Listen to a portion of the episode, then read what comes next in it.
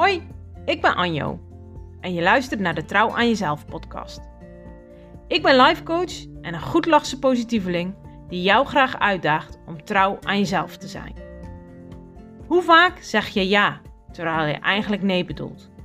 Hoe vaak doe je dingen die je eigenlijk niet wil, maar doet omdat je het gevoel hebt dat het moet? Deze podcast is speciaal voor vrouwen die zich niet langer willen laten afleiden door wat anderen vinden, verwachten of willen.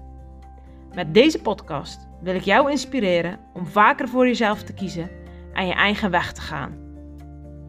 En de grote vraag is: durf jij trouw aan jezelf te beloven?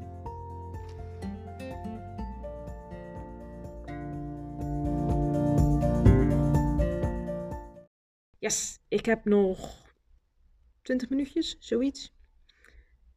En ik dacht, dat is mooi, dan kan ik snel nog eventjes een podcast opnemen. Want vorige week was er een situatie waar ik dacht, hey, dat is misschien wel een leuk onderwerp, want het ging over boos worden.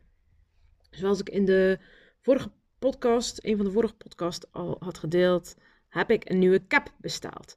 En ik weet, het is maar een cap. Maar door onder andere dat de cap niet goed was en weer teruggestuurd moest worden, duurde het al een poos voordat ik eindelijk mijn nieuwe cap in handen kon hebben. En gelukkig kreeg ik uh, op redelijk korte termijn een mailtje van Agrari.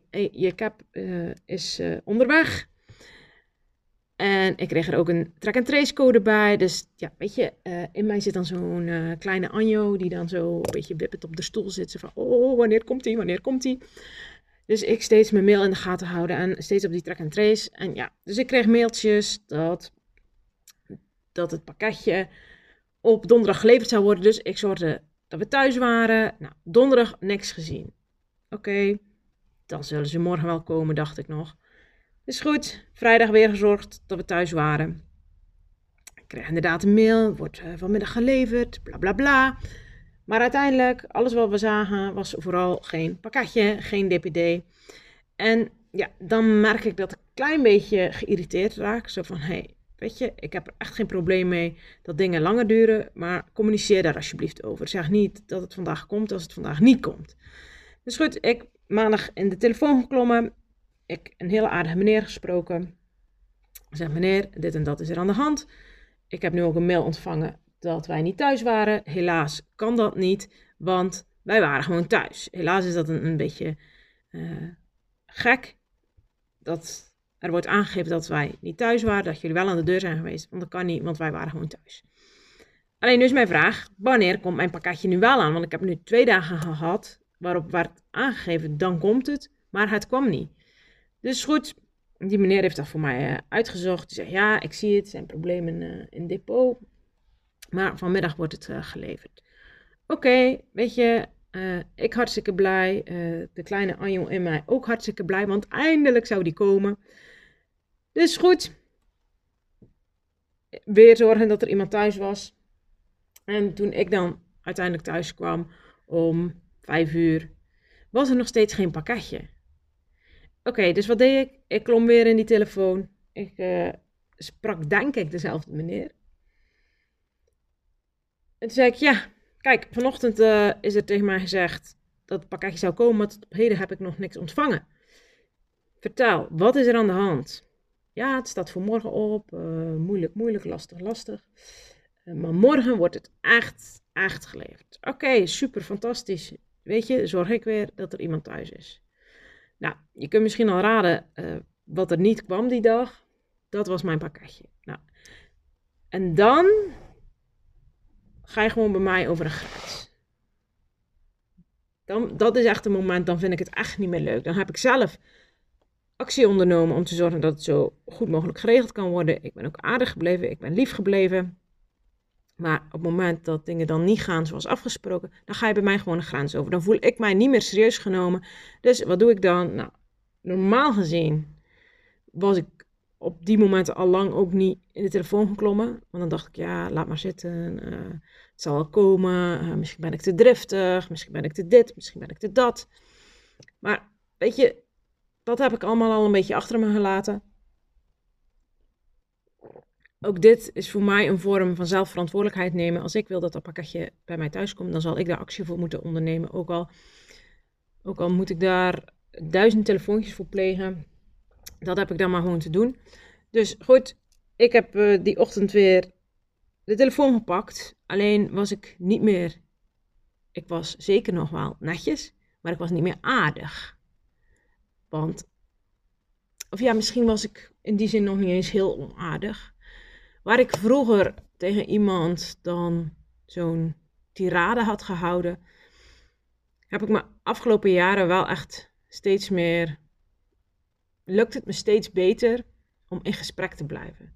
Om helder te hebben, hey, wat wil ik nu eigenlijk? Wat wil ik tegen deze mensen zeggen? Uh, en wanneer ben ik tevreden met het gesprek? Wanneer kan ik de telefoon afsluiten? Wat moet er dan gebeurd zijn? En dat had ik echt heel helder voor mezelf. Dus goed, ik ben begonnen met uitspreken hoe ik mij voelde. En ik heb aangegeven dat ik enorm teleurgesteld was, omdat ik nu zelf al meerdere malen contact heb opgenomen en dat ik meerdere malen te horen kreeg dat het pakketje zou geleverd worden en dat ik tot op heden nog geen pakketje heb uh, ontvangen. En dat dat ook iets doet met mijn vertrouwen. Want als iemand iets tegen mij zegt, dan wil ik daarop kunnen bouwen. En als uiteindelijk dingen anders gaan, dat is niet het punt, dat, vind ik niet erg, maar communiceer daarover. Ze hadden mijn contactgegevens, zoals ze een mailtje steeds uit konden doen van, weet je, vanmiddag rond uh, 2 en 3 wordt het geleverd, dan had je mij ook een mailtje kunnen sturen van, hey, er zijn problemen waardoor deze levering wordt uitgesteld. Ik bedoel, zo moeilijk moet dat allemaal niet zijn. Zo ingewikkeld is dat volgens mij ook niet. Maar ook daar, dat is een aanname van mij. Dus misschien is het wel mega ingewikkeld. Maar in ieder geval, zorg ervoor dat ik op scherp stond. Van hé, hey, ik heb hier nu even contact te leggen. Zodat ik mijn pakketje kan krijgen.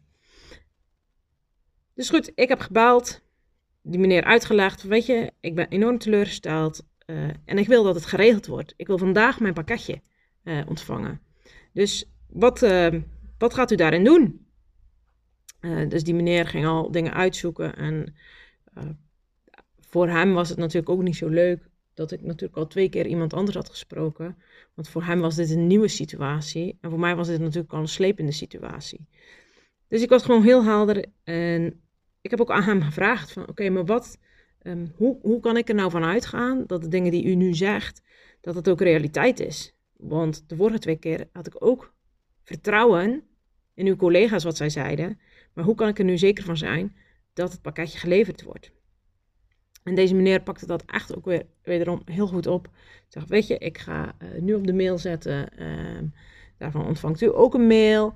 Dus deze meneer heeft wel echt een stapje extra gezet om in ieder geval mij tegemoet te kunnen komen.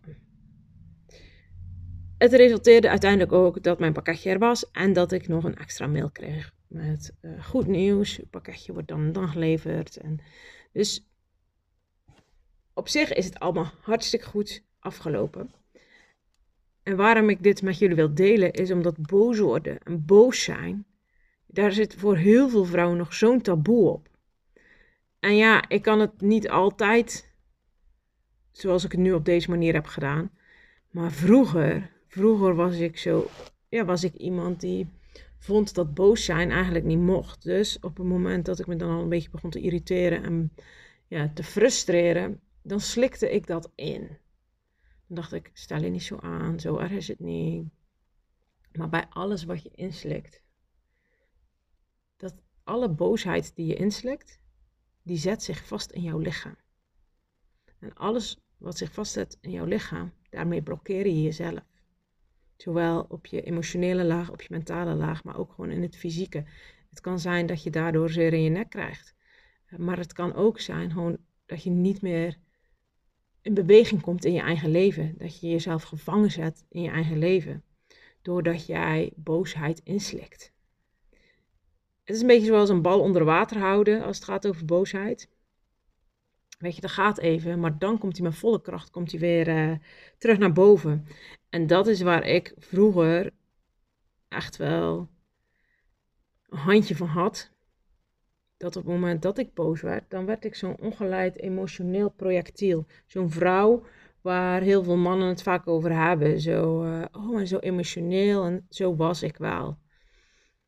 Want ik vond eigenlijk dat mijn boosheid er niet mocht zijn. Maar uiteindelijk, die kracht in mij, die boosheid werd zo getriggerd, waardoor de kracht in mij zo enorm groeide, dat dan op een gegeven moment alles eruit kwam. En ja, en dan ook natuurlijk de oude koeien.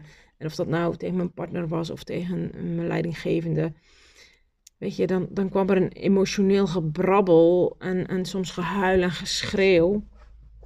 Maar uiteindelijk veranderde dat niks. Want daarmee, daarmee werd eigenlijk de aandacht gericht op mijn emoties. En eigenlijk niet op het werkelijke probleem. En het werkelijke probleem is vaak, als het gaat over boosheid, dat er een grens is overschreden. En sinds ik eigenlijk anders kijk naar boosheid, dat boosheid een tool is om je grenzen te bewaken, heb ik er ook minder moeite mee om boos te zijn. Eh, en hoeft het niet uiteindelijk tot een grote, grote emotionele explosie te leiden. Maar kan ik al eigenlijk vanaf het punt dat ik me ga ergeren of ga frustreren, vanaf dat moment kan ik me al gaan uiten. Omdat ik het daarover mag hebben. Omdat ik ook heel goed voor mezelf dan helder heb. Hé, hey, maar over wat gaat het nu eigenlijk? Welke grens van mij is overschreden door wie? Welke verwachting is niet uitgekomen? En wat doet dat met mij? En wat ga ik daarover communiceren met die ander? Boosheid is, is niet iets wat er niet mag zijn. Het maakt gewoon onderdeel uit van ons leven. Het maakt onderdeel uit van ons mens zijn. Maar het is ook een heel belangrijk onderdeel. Als jij je leven wil inrichten volgens jouw eigen voorwaarden, dan, dan heb je soms boos worden. Dan heb je soms de kracht van je boosheid nodig om tot verandering te komen. Want wat, wat wij vrouwen heel vaak doen, is dat we inderdaad wachten tot al onze emoties zijn opgekropt en dan met een, enorme kracht eruit komen, waardoor er een enorme emotie-explosie is. En als we het dan bijvoorbeeld in, ons in onze relatie hebben, dan weet die man eigenlijk uiteindelijk ook niet meer zo goed wat hij met die emoties moet. En is het makkelijker voor die man te zeggen, nou weet je, als jij zo overdreven reageert, uh, daar kan ik niks mee, toedeledokie. En morgen zal het wel weer over zijn. Maar wat, wat gebeurt er dan? Dan missen we het punt dat we tot verandering kunnen komen. Want dat is waar boosheid eigenlijk ook voor bedoeld is. Blijkbaar is er iets in ons leven wat niet bij ons past en waar verandering in moet komen. En onze boosheid kunnen we gebruiken om tot die verandering te komen, maar dat kan niet als we alleen maar in die emotionele explosie blijven hangen. Nee, daarvoor hebben we te communiceren. Te communiceren over onze grens, te communiceren over ons gevoel, te communiceren over onze behoeften, maar ook zeker te communiceren van hé, hey, maar wat verwacht ik van die ander? En heel vaak laten wij vrouwen het daar leggen. We, gaan in we kruipen in een hoekje en geven onszelf op ons kop dat we boos zijn geworden. En we trekken ons terug. Waardoor die andere weer ruimte krijgt. En ook de ruimte krijgt om vooral te hebben over jouw emoties. Oh ja, dat was nogal een emotionele explosie. Maar dan hebben we niet over de kern. Hey, maar wat maakt het nou dat je zo boos was? Het gekke is dat heel vaak als vrouwen boos worden, uh, het dan over de emoties van de vrouw gaat. Maar uiteindelijk leidt dat af van de aanleiding tot die emoties. En heel vaak gaat dat over gedrag van een ander.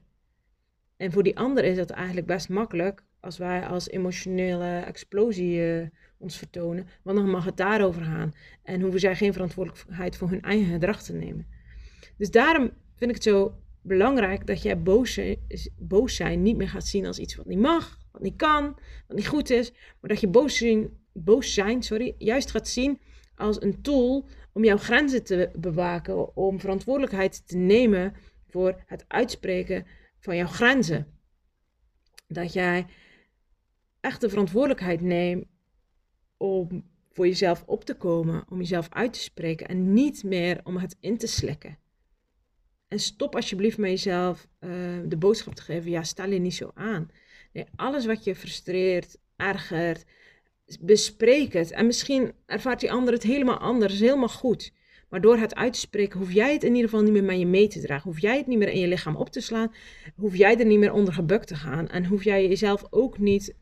Want op het moment dat je het gaat inslikken, dan solliciteer je eigenlijk al een beetje naar een moment dat jij zo'n eh, emotionele explosie gaat vormen. En dan geef je de ander ook weer de kans om jou weg te zetten als een emotioneel iemand. En daarmee bedoel ik niet dat het erg is dat je een emotioneel iemand bent, want ik ben daar absoluut een groot voorstander van.